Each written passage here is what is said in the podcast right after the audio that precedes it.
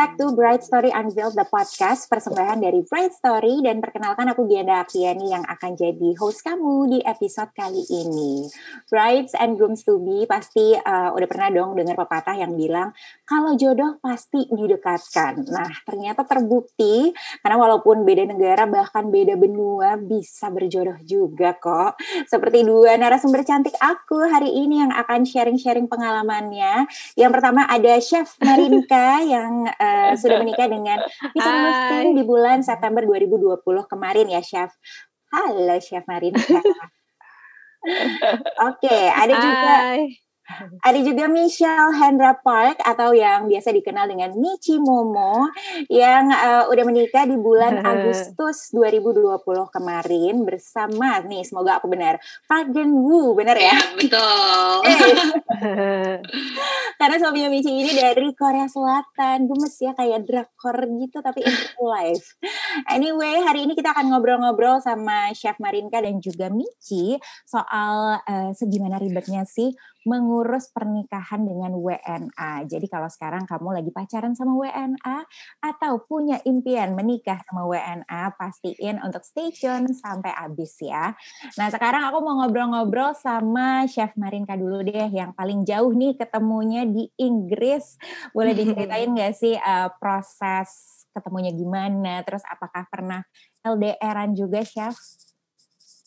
Agenda. Uh, sebetulnya aku mau mau koreksi satu. Jadi mungkin orang yang kayaknya kemarin itu kita nikah di bulan September. Sebetulnya kita udah nikah uh, satu bulan atau satu bulan lebih sebelumnya. Cuman aku baru postingnya biar resting dulu karena kalau misalnya pada selamat selamat selamat tahu nggak bisa balas-balesin. Tapi it's okay. Oke. Okay. Jadi dari kemarin makanya aku nggak specifically kasih tahu tanggal kapan kita nikah. Uh, anyway, uh, ketemunya di Inggris benar. Jadi waktu itu aku lagi ikutan conference sama teman-teman aku di uh, conference uh, namanya Hillsong. If anybody knows, namanya Hillsong. And it's a spiritual uh, apa namanya spiritual uh, seminar gitulah pokoknya yang ada didadakan tiap tahun di Australia dan di Inggris. Nah kebetulan kali itu biasanya kita di Australia nih gitu cuman kali ini kayak hmm. yang udah yuk kalau ke Australia nggak bisa ke mana-mana situ doang ya udah kita ke hmm. Inggris kalian bisa jalan-jalan gitu ke tempat lain jadi pas di sana uh, ini mau cerita lengkapnya nih oke okay. seriously oke okay, um, itu karena it's a long trip ya dari Jakarta ke Inggris jadi kayaknya kita teler dan capek banget jet lag habis itu lucunya di hari pertama besokannya kita udah langsung seminar dan aku itu inget banget lagi sebelum kita seminar di sore harinya jalan-jalan tuh aku jatuh empat kali. Wow. Gak tahu jatuh tapi ya? jatuhnya Hah? Jatuh, jatuh di jalan aja lagi jalan-jalan shopping jebrak jatuh. Habis teman-teman aku sampai kayak iring jatuh mulu deh. Kenapa sih lu gitu? Sampai kayak orang gila gitu karena nggak tahu kepanasan atau apa. Kayaknya heat stroke lagi panas banget waktu itu. Hmm. Terus jatuh empat kali. End up-nya keesokan harinya aku nggak bisa ikut jadinya gitu loh karena kaki aku bengkak terus jadi mulai demam manja banget kasih gara-gara jatuh doang well anyway ternyata um, Peter kebetulan ada di sana mm-hmm. nah yang lucunya lagi itu yang hadir situ tuh 30 ribu orang ya jadi siapa yang duduk di sebelah kita duduk sebentar habis itu nanti bakal di rolling lagi gitu mm-hmm. nah temen aku itu kebetulan uh, ngelihat dia kayak habis itu ngobrol-ngobrol ternyata papahnya Peter itu orang Indonesia. Ah. Ih, dan jarang banget ada orang Indonesia yang datang di Hillsong London biasanya. Habis itu hmm. mereka ngobrol walaupun papanya nggak bisa bahasa Indonesia, mereka bicara-bicara uh, this is ini believe it or not. Jadi uh, teman saya itu tiba-tiba kayak ada suara di kepalanya gitu yang kayak kamu harus kenalin cowok ini ke Rintrit gitu. Ah. Habis itu dia kayak temen aku kayak nggak mau ah gitu kan. Apa yang kayak orang gila? Masa masa tiba-tiba suruh nanya orang lu udah punya pacar belum segala hmm. macem. Kalau dia punya pacar gimana? Kalau dia nggak demen cewek gimana? Kayak gitu-gitu.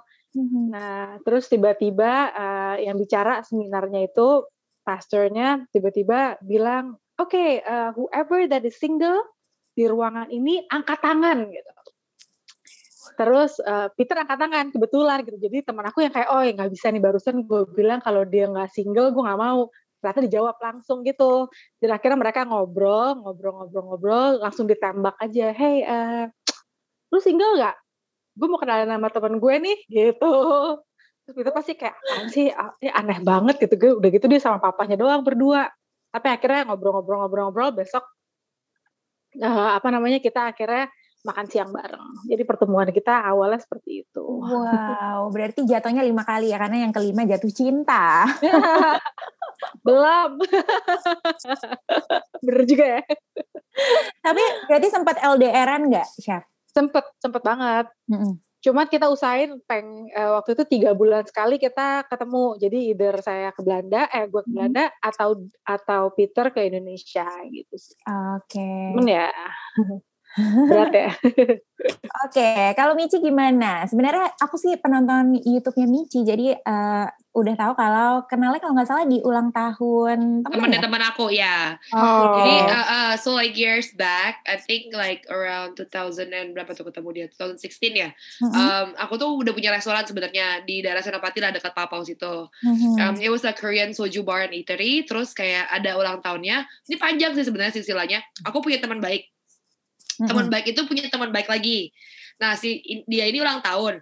Nah si yang ulang tahun ini punya teman baik itu suami aku sekarang. Okay. ini panjang temannya teman temannya temannya teman-teman teman-teman gitu. Jadi kayak awalnya juga kayak nggak berasa. Kayak maksudnya nggak ada feeling atau apa belum ada. Karena kan beneran cuma kayak itu party ulang tahun aku cuma say hi aja karena aku owner restorannya. Mm-hmm. jadi kayak oh ya udah uh, kenalan. Tuh ternyata dia udah suka maksudnya udah kayak tertarik gitu. Dia suruh siang ulang tahun ini eh kapan-kapan yuk kita ketemuan dia bilang kayak berempat maksudnya rame-rame aja nggak usah nggak usah nggak usah bukan bukan ngeset buat ngedate gitu. Mm-hmm. terus kayak dari ya jadi mulai dari temenan doang dan gak nyangka kalau dia tuh sebenarnya mau ngejar. Even lucu ini this is funny story sih. So I love to drink. He loves to drink. So every time kalau misalkan gue jadi pacar pasti at least yang bisa ya bisa at least bisa minum bareng lah. Bukan yang anti alkohol banget. Wow maaf ya gitu. Tapi maksudnya karena dia suka minum juga jadi pas dia nembak hmm. itu tuh uh, eh, gue nggak sadar karena kita berdua sama-sama tipsi udah masuk mabok sih hitungannya. Jadi sebulan pertama pacaran gue nggak tahu kita pacaran. Literally. Okay. What? tapi kan dia tapi dia posesif kan terus gue kayak pergi kan ada ada kerjaan ke Korea segala macam gue party have fun gitu kan. Terus gue bilang ini laki kok uh, posesif amat, pacaran mm -hmm. kagak, ngomong suka, maksudnya ngomong suka ada lah, tapi maksudnya kayak nggak mm -hmm. ngajak pacaran, tapi nggak lo ngatur-ngatur kayak pacar gue. Terus dia tiba-tiba bilang, kan kita udah pacaran dari sebulan lalu, terus gue kayak, what? What? Dari kapan gitu? Sebenarnya gitu aja sih. Tapi, nah, tapi suami aku udah lama di sini, udah 13 tahun. oh, tapi berarti nggak oh. sempat ngerasain LDRan? Nggak, nggak pernah. Oh, ah, oke oke oke oke. Aku orangnya lumayan anti LDR gitu. Kalau LDR nggak tahu kenapa hilang gitu rasanya feeling biasanya. Oh. Biasanya, biasanya. pengalaman. Kalau kemarin pengalaman pertama LDR atau emang sebelum-sebelumnya udah biasa LDR? Nah aku udah pernah LDR sih sebelumnya. Kalau aku soalnya tipe kayak ada orang yang kayak gini nih, ah, gue mendingan cari cowok yang convenient aja deket. Kalau gue, mm -hmm. uh, kalau mungkin lebih mikir kayak yang lebih baik hatinya yang yang cocok soalnya nyariin cocok itu menurut oh. aku lebih susah ntar kalau misalnya LDR tinggal nyusulin aja lah toh aku mikirnya gini kalau nanti kawin juga serumah iya benar-benar. Oke baik. Sekarang ngomongin proses pernikahan. Pastikan uh, ada banyak yang perlu disiapkan ya secara administrasi gitu. Boleh tahu nggak sih apa ya. aja yang harus dipersiapkan dan apakah ribet? Mungkin dari Chef Marinka dulu kali ya yang beda benua nih soalnya. Uh, ke, jadi gini, sebetulnya planningnya kita itu kemarin nikah di bulan Juni di Belanda. Udah di plan hmm. semuanya udah matang, tinggal hmm. berangkat sebetulnya. Cuma kan tiba-tiba ada COVID, udah COVID-19, jadi kita uh, stuck di sini. Dan Peter kebetulan di sini bersama orang tuanya kemarin untuk ketemu keluarga lah. Uh, basically, karena kita akhirnya diundur, undur, undur, undur, uh, aku sempat yang kayak aduh ini gimana ya nih gundur-gundur terus ini kita nggak tahu loh apakah will it happen or not gitu. Hmm. sampai akhirnya ada teman aku yang ngomongin ini covid nggak tahu kapan selesai loh dan kita nggak hmm. tahu kapan bisa ke Belanda juga anyway. Life hmm. must go on dia bilang kayak gitu. Kenapa nggak? Why don't you just do it here? Nanti you do it again di Belanda gitu. Nah akhirnya kemarin setelah ngomongan itu, itu setelah aku udah berdoa ya, Tuhan please dong ini maksudnya kalau jadi enggak gimana nih? Gitu kan. Tiap hari aku doa aja udah benar-benar berserah banget nih kalau emang udah gak jodoh ya udah gitu lah ya. Hmm. Akhirnya ini uh, akhirnya kita make a decision oke okay, let's just do it here. Akhirnya kita bikin di Jakarta uh, berarti ulang dari nol semuanya. surat-suratnya itu. Nah itu hmm. lumayan ribet karena pada saat itu juga um, tiba-tiba ada perubahan di imigrasi di sini. Mm-hmm. Jadi yang kayak oh iya buat yang datang pakai visa tertentu harus keluar negara dulu, tapi kan nggak bisa balik lagi kemarin mm-hmm. yang COVID-19. Akhirnya kayak gimana ya? Ya udahlah, aku juga nggak bisa ke Belanda karena Belanda ditutup bordernya. Jadi kemarin uh, ya udah kita di ZT, habis itu kita diperpanjang visa, habis itu kita nikah gitu. Jadi kita dalam waktu tiga minggu kemarin jumpalitan, oh. langsung kita bikin aja lah udah gitu loh. Jadi jadi habis itu ntar kita mungkin akan melakukan lagi di Belanda karena kemarin Peter nikah di sini nggak ada keluarga sama sekali. Gitu. Mm -hmm. Oke, okay. jadi sebenarnya yang bikin ribet itu perubahan rencananya itu ya? Perubahan rencananya karena uh, aduh surat-surat paperworknya itu emang it's not easy sih hmm. gitu dan kemarin itu kebetulan aku ngurus sendiri sebetulnya kan biasanya bisa ada orang yang bantuin hmm. cuma kemarin mungkin karena udah mepet banget jadi uh, banyak banget yang bantu untungnya sih puji Tuhan ya gitu sih. Hmm. Oke, okay. kalau Michi gimana nih? Uh, walaupun uh, hitungannya masih sama-sama Asia, apakah yeah, jadi betul. less ribet atau tetap aja prosesnya panjang? Uh, jadi oke okay, agak mirip sama Chef Marinka ya. Initially hmm. sebenarnya kalau di luar negeri tuh jauh lebih gampang untuk mendaftarin nikah. Emang. Kamu kalau ke Korea tuh 10 menit jadi, nggak perlu ribet-ribet. Kamu tiap hari tinggal bawa apa sih? Paspor, paling kakak segala macam. Nanti rencananya tuh awalnya nikah di nikah di Indonesia nggak apa-apa. Cuma daftarin sipil pertama kali di Korea karena di Indonesia tinggal di translate which is it's a lot easier. Uh, yeah. Tapi kayak again karena pandemi kan nggak bisa. Jujur sampai sekarang aku belum catatan sipil. Oh, oh gitu. Belum, karena kemarin itu, nah ini ribetnya di Indonesia pun, walaupun dia udah punya kitas di sini, waktu itu karena imigrasi kitasnya ngaret. Terus setiap kali nggak tahu kenapa kayak setiap kali mau daftarin, imigrasinya yang tutup atau embassy-nya yang tutup karena ada yang kena covid. Jadi kayak nggak pernah ketemu uh, waktu yang matching. Sebenarnya tinggal suatu dokumen lagi sih. Do, uh, dokumen untuk WNA-nya sebenarnya nggak gitu ribet. Ribetnya di kita.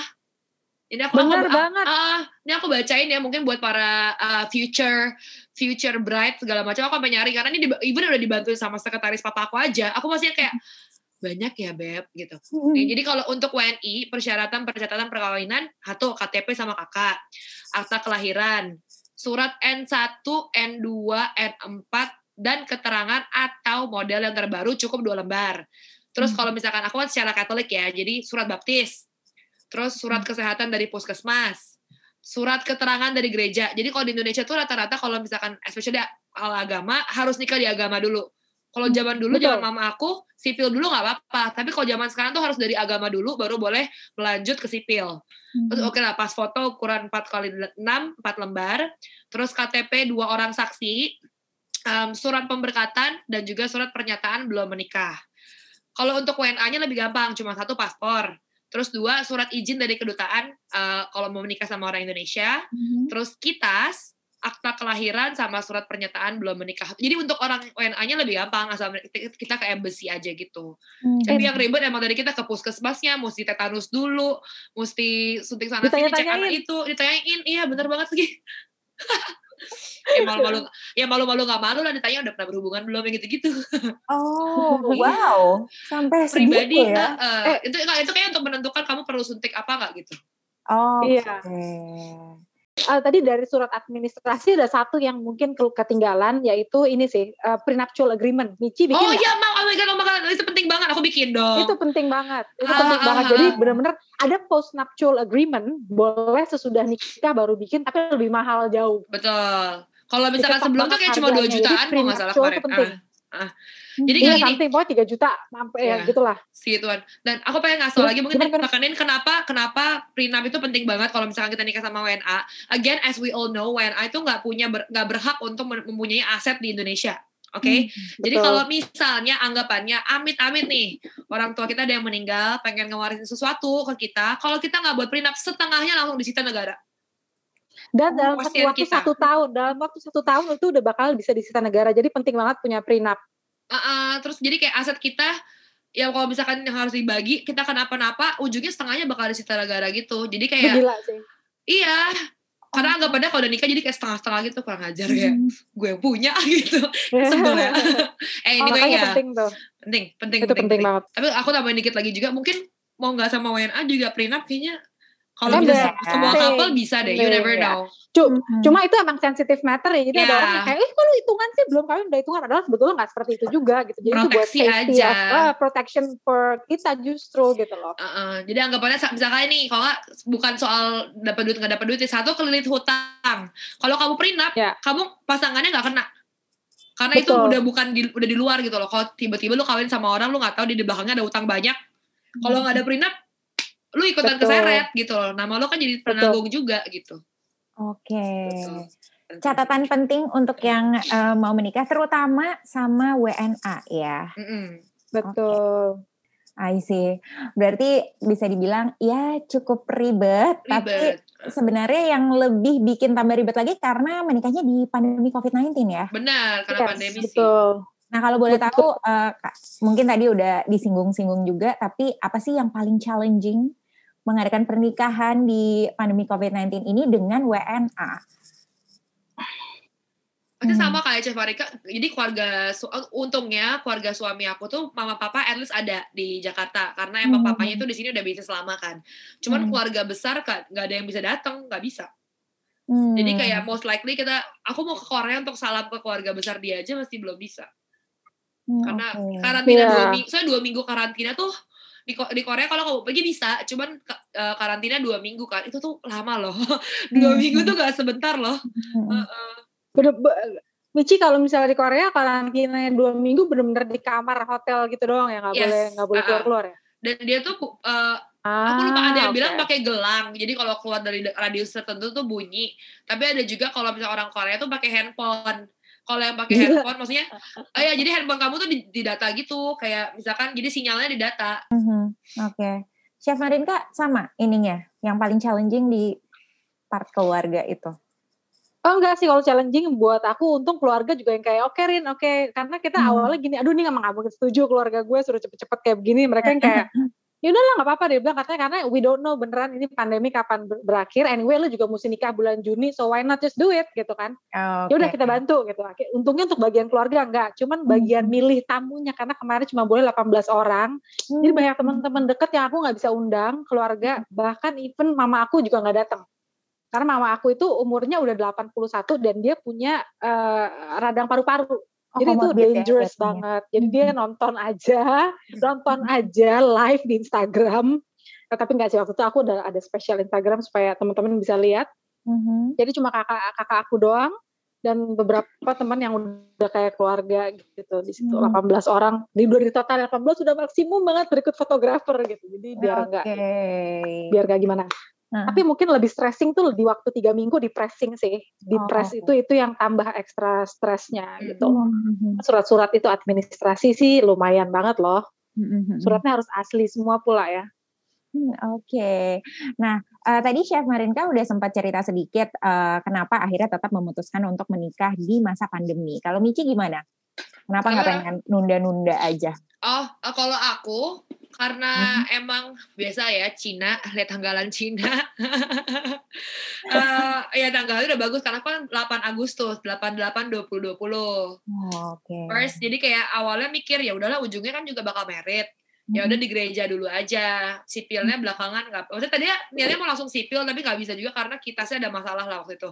Mhm. Nggak bisa langsung keluar karena imigrasinya waktu itu lagi ribet lah Jakarta. Selatan. Eh, terus mikirnya Iya iya paling gitu. Aku tuh sebenarnya kayak bride chill lah, bukannya bridezilla ya. Chill Oke. banget. Even aku kayak aku dipropose tuh tiga hari sebelum menikah. oh ya Iya, Wow. jadi nggak ada proposal. Jadi kayak literally pas mau men- menetapkan untuk menikah pun yang literally cuman lagi pergi ke wedding fair, terus kayak eh, iseng-iseng aja. Terus ada Mhm. tiba-tiba ini kayak semacam Tuhan kasih jalan juga kali ya kayak Mhm. Lagi muter-muter nggak nggak ada niat cuma kayak eh berapa sih nikah beb sekarang ini? gitu kan ya penasaran sama paket-paketnya. Ketemu satu booth yang ternyata orangnya tuh yang yang maksudnya yang jadi marketingnya dulu tuh MC Sweet Seventeen aku. Oh bisa pas itu banget. aneh pas banget dan udah udah nggak pernah ketemu semenjak itu. Jadi kayak dari umur 17 sampai terakhir kemarin itu udah setelah berapa belasan tahun nggak ketemu tapi dia masih ingat.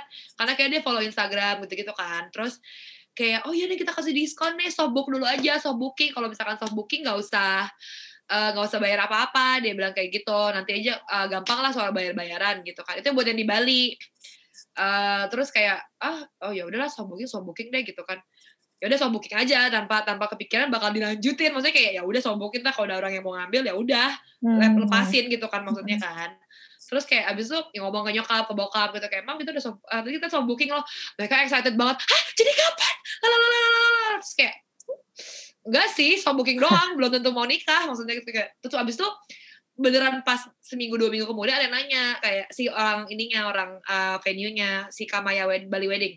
Mm-hmm. uh, ini ada yang mau ngambil nih tanggalnya masih mau nggak? Kalau misalkan masih mau kamu harus DP so aku ngomong sama suami aku kayak Bapak ini tiba-tiba gini kok sayang juga ya kalau dilepas? Tanggalnya bagus tempatnya bagus mungkin gitu kan ya. Ya udah deh akhirnya itu DP gitu. Udah. Oh, begitulah gitu. kejadiannya Tapi kayak emang udah diatur sama semesta untuk iya, menikah ya. begitu. Uh -uh. Oke. Nah, uh, kalau ngomongin setelah menikah, uh, pasti kan ada diskusi nih dengan pasangan, uh, terutama Chef Marinka ya. Kalau Michi emang dua-duanya kan tinggal di Indonesia gitu. Ya. Tapi uh, apakah pertimbangan-pertimbangannya tuh apa sih Chef uh, sampai akhirnya memutuskan untuk menetap di Indonesia sekarang? Oh, uh, sejujurnya kita belum memutuskan sih mau menetap di mana sih. Oh, okay.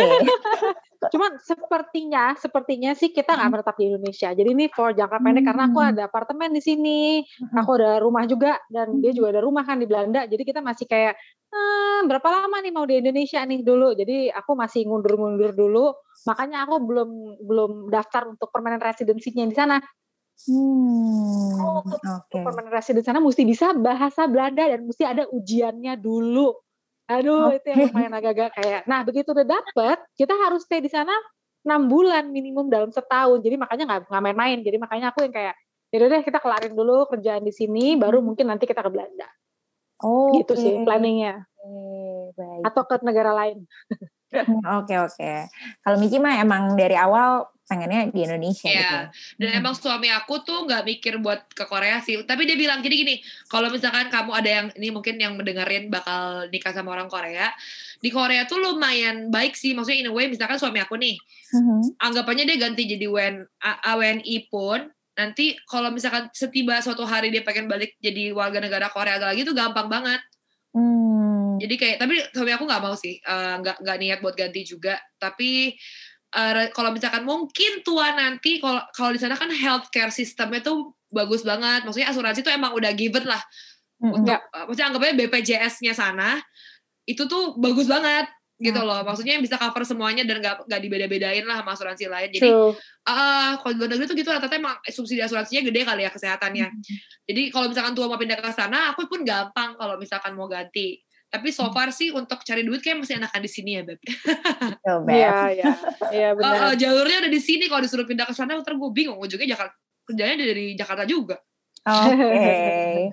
Nah, yang namanya menikah mau pacaran udah lama itu kan pasti tetap ada yang namanya culture shock ya. Betul. Apalagi ini sama warga negara asing. Nah, uh, suami-suaminya sempat mengalami culture shock juga nggak sih? Terutama mungkin Chef Marinka ya yang uh, sama sekali belum pernah ke Indonesia atau gimana? Uh, kebetulan Peter itu kan papahnya orang Indonesia, jadi dia oh, lumayan iya. familiar ya, dia lumayan familiar dengan budaya Indonesia, walaupun budaya abal-abal lah, karena kan nggak bener-bener Indonesia banget, mm -hmm. gitu lah. Uh, cuman dia udah pernah ke Indonesia sebelum ketemu sama aku juga, jadi, mm -hmm. jadi dia lumayan paham sedikit. Cuma kalau untuk beneran tinggal di sini, emang agak culture shock for sure, mm -hmm. karena mungkin uh, Peter itu orangnya sangat tepat waktu. Jadi kalau uh. orang ngaret tuh dia sampai kayak gimana sih? Kok ngaretnya parah banget sampai berjam-jam so for him itu kayak nggak ngerti gitu. Udah gitu mah iya. orangnya organize pula gitu dan Belanda hmm. ya. Uh, beberapa hal seperti itu bahasa sih terutama ya. Dia nggak bisa bahasa Indonesia sampai sekarang masih belum bisa.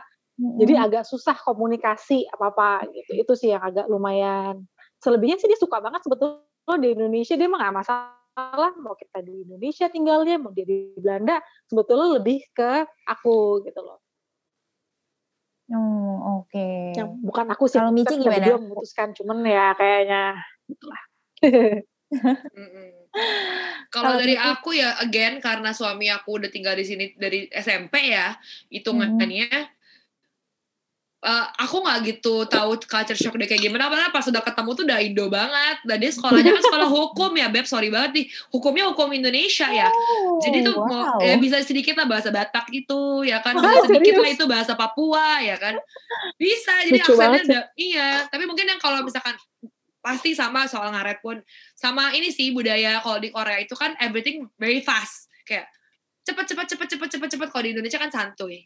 Itu yang sampai sekarang dia hmm. kayak kenapa sih gitu kok santai banget ya gitu loh sama kayak hmm. basic manner atau mungkin kayak politeness kalau di Korea kan bener-bener dijunjung tinggi banget kan even beda satu umur aja panggilannya udah harus maksudnya bahasanya harus formal yang gitu-gitu hmm. jadi kalau di sini kan masih yang kayak dari santai hmm. jadi sebenarnya don't mind cuman kayak kadang-kadang masih suka bingung aja hmm. Oke oke. Okay.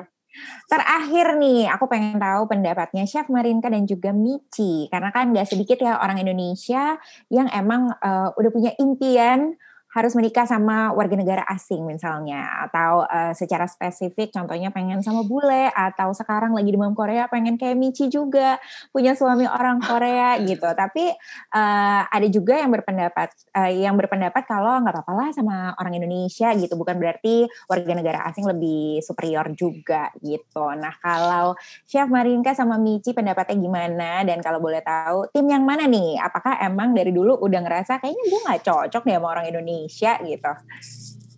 Kalau dari aku sih, kalau dibilang superior atau enggak, aku nggak pernah ngerasa kayak gitu ya. Karena buat aku ya semua manusia sama aja. Karena sering banget juga kalau aku dapat pertanyaan kayak, Mitch enaknya dapat suami Korea apa sih? Gimana sih? Apa bedanya? Ya cowok ya cowok aja. Paling yang beda paling culture dikit gitu kan.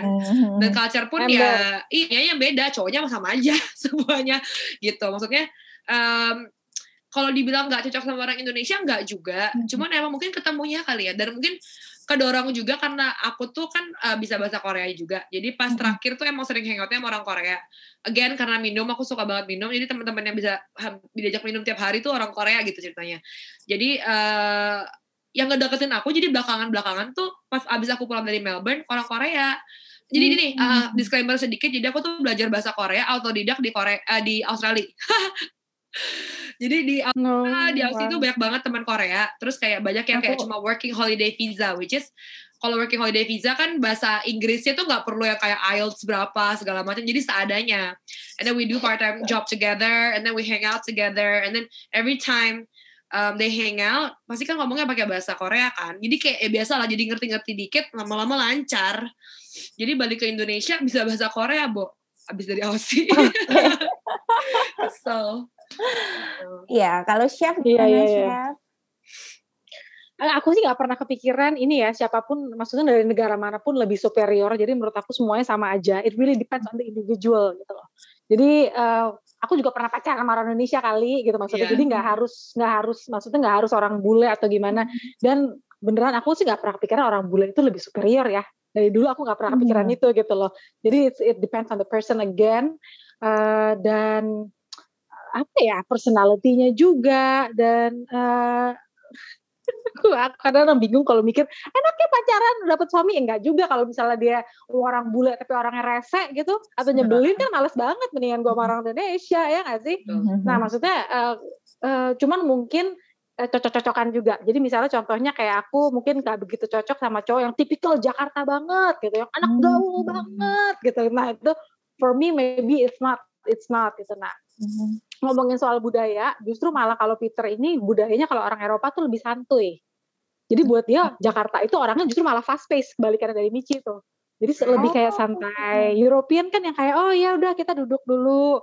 Kalau kita kan bisa tuh langsung duduk, langsung makan. Kalau dia tuh nggak duduk dulu, ngobrol dulu, napas dulu, santai dulu, minum kopi dulu, baru makan. Nah itu itu mungkin itu yang agak sedikit beda gitu. Hmm, Oke, okay.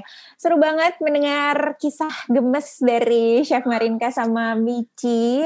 Uh, jadi kayaknya kesimpulannya walaupun emang menikah dengan WNA itu mengurus administrasinya sedikit lebih ribet, udah gitu banyak penyesuaian-penyesuaian, but at the end love conquers all. Betul? Betul banget. Oke, okay, thank you banget Chef Marinka sama Michi udah sharing-sharing pengalamannya dan uh, buat kamu yang udah bertunangan atau lagi mengurus pernikahan nih sekarang, pastiin untuk cari vendor pernikahannya di Bright Story Online Wedding Fair karena kamu bisa belanja kebutuhan pernikahan dengan aman dan nyaman dari rumah aja. Udah gitu akan banyak banget diskon dan bayar vendornya pun bisa dicicil ya kan. Yes. Uh, makanya catat tanggalnya di tanggal 26 April sampai 2 Mei di aplikasi Bright Story. Dan tentunya jangan lupa untuk stay tune terus dengerin Bright Story Unveiled the podcast. Uh, bisa di Spotify nya Bright Story atau juga di Instagramnya at The Bright Story. Akhir kata, aku Giada Aktiani pamit undur diri dulu. Sampai ketemu di episode selanjutnya. Bye. Bye.